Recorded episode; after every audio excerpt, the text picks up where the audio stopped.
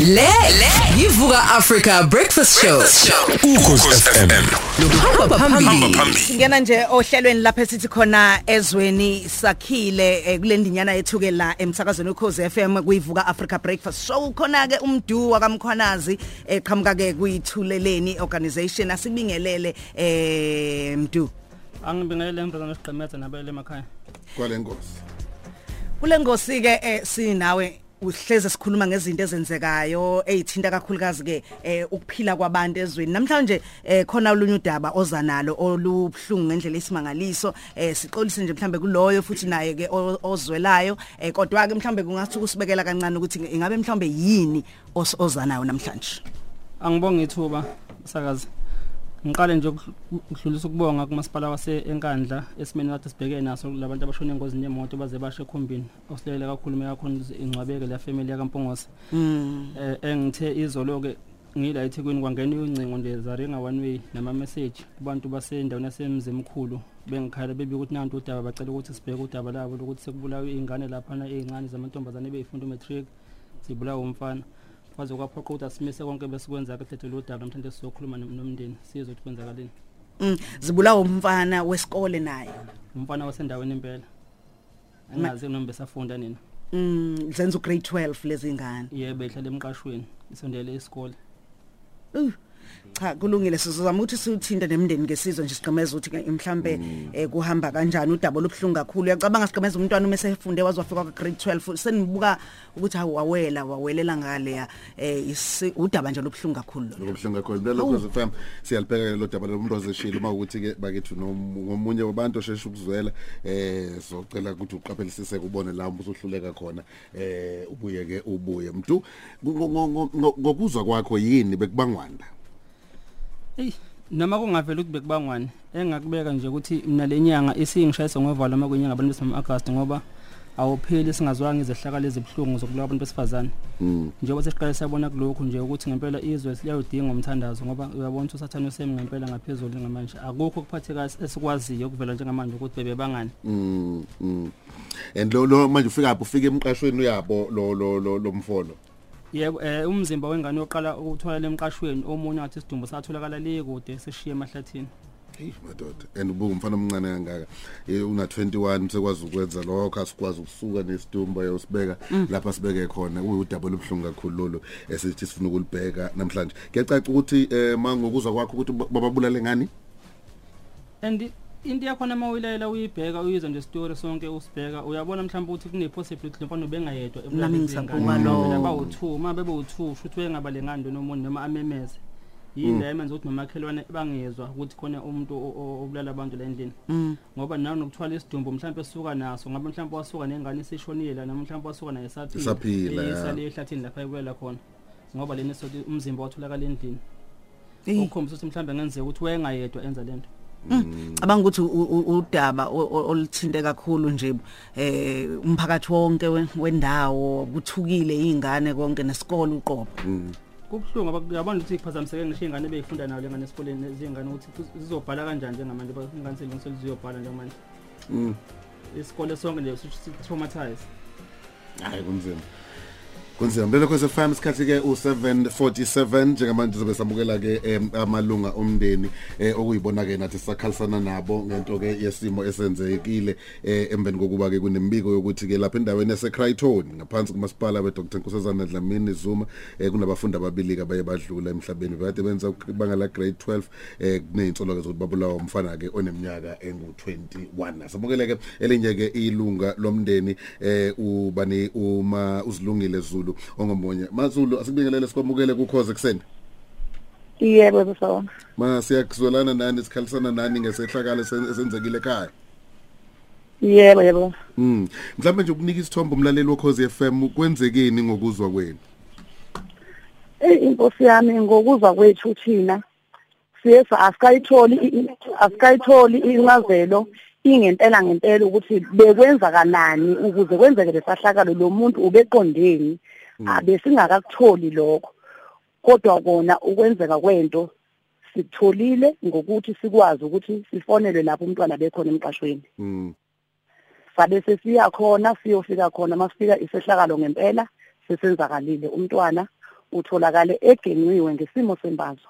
Mm. Ugenqiwe nje umntwana ikhanda ingozi mangicabanga zidlulile la ku8 ziya ku9 hey bakithi ekhanda nje lakhe lilonke nomzimba wakhe nje ushaya ugenqiwe nje ugenqiwe igazi ngoba la endlini yakhe la sifike salibutha khona bekuna nobuchopho phasi yonke into. Eh ugenqwe nje umntwana indlela esimangaliso nje lokho ihluko engingakaze ngisizwe. Engingakaze ngisizwe futhi a a angazi ngisethukile kakhulu ngoba le nto engiyibonile angiyazi Kuthiwa bayazana ngokwa- ngokwazi kwakho bayamazi lo mfana labo izingane. uyamazi lo mfana lo mntwana Mm. U- umntombazane lona yethu eyakwaZulu nalo mfana futhi naye wakaZulu hawu bayazana labantwana bobabili Ayu. Bebephuma uma nibheka bebephuma esikoleni abantwana mhlawumbe begqoka uniform noma abantwana bebesekhaya ngoba izikhathi kuthiwa bekulako siya ko7 mm. Bebehlezi nje ekhishini nogogo mechaza ugogo babese bephuma abantwana sebethi phela bayolala endlini yabo. Mhm ugogo mechaza uthi mabefika bafike banquma ugesi kwabe sekumnyama umuzi wonke. Mhm uma kumnyama umuzi base beshaya ifastela kugogo. Base bebaleka abantwana beya kugogo ngoba besibona isithunzi esidlulayo. Uma besuka lapho base beya kushuthi eman afona amantombazane la ukuthi kukhona into la e-teachers laphandle niyabona yini? Bathe beva beva abantwana sebekhala washo ukuthi ugogo akabona emehlweni umuntu omdala akaphilanga kunabantwana abancanyana. Kodwa bazamile ukuthi bakwazi ukuze kufinyelele bafonele omakhelwane. Ubaba oseduzane ukhanyile okuyena nobaba ubhuti wakhona usikhonyana okuyibona abazame nokusiphuthumela ubhuti wakhona usithathele umntwana wasesele esibhedlela washonela endlini akafikanga esibhedlela. Lo umfana lo owakaZulu uzalo noma uZulu mhlawumbe ngesibongo? uzulu ngesibongo. Kodwa ningomakhelwane. Nje indawo yakhona uyakwazi ngisho ukufika boka lo mntwana evakashile ehamba nabanye abazana bayintombazane lena ukafike khona ekhaya buka ntombazane lento edala ukuthi ngithi angimazi ukuthi ubulwane obobutheni ngoba uyamazi. Mm. Okay, mhlawumbe ngiyazi ukuthi lo mbuzo engikubuza wona ngeke mhlawumbe ube nempendulo. Khona insolo zakhe zokuthatha idakamizwa ebenizazi kumfana? emfaneni Mm. eh into bengiyazi kuyena ngingasho ngithi into engimazi ukuthi uyayidla imfango Mm.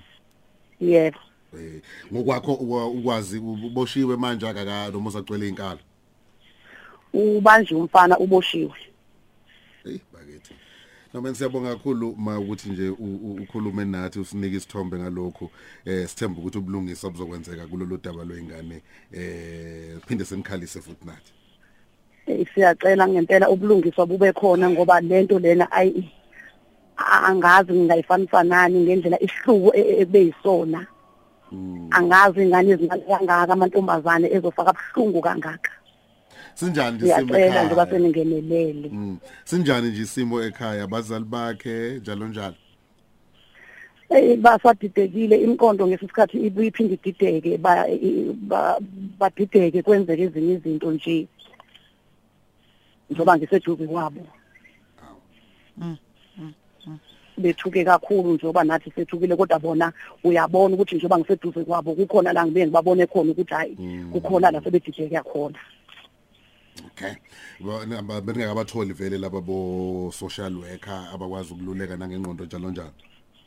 eh bafikile izolo benginabo eh bafikile izolo sakwazi ukuhlala nabo bangichazela ukuthi uma kukanje ngase ngithi yebo kukhona kona kodwa manje kusadideke ukuthi ingoba sisekule ndawo Mm. base besicela ukuthi uma sekudlula lokhu size sibathinte bakwazi ukubuyela kuthina ngathi ngizomcela nibuyele ngoba kukhona into engizibonayo ukuthi labantu kungenzeka balidinge usizo lwabo ama social worker. Yes. Lungile siyabonga kakhulu ukuthi ube nathi ku Cause FM ekseni namhlanje. yebo. Okay. Brother u tete wethu uzilungile Zulu ngomunye ke womndeni. Yalezi ingane ke embili la umbongo Nkosi kanjengasi bese siyamzama kulomunye umndeni asimtholo kwamanje. Ya udaba lobhlungu kakhulu lolu. Eh Nkosi yami si- si- sizwelana nje nomndeni sizwelana no- no- nothisha balabantwana kwi eGiyani Awu, High funda School. nabo. ingane afunda nazo bebefunda nazo lapha eGiyani. Umphakathi wonke nje sigqemeza abazali bonke eh ngicabanga ukuthi balala bathukizanya nabo kumanje. Eh ku- ku- kuyinto ebhlungu kakhulu ngiyabona nala einkundleni zokuxhumana abaningi bathi ake kube nomkhuleko we- wesizwe sonke. Eh ke ku- ke- ke- kubonakala ukuthi mhlambe akukho yena okungenzeka Le le yivuka Africa Breakfast Show. Ukhosi FM. Hamba phambili. phambili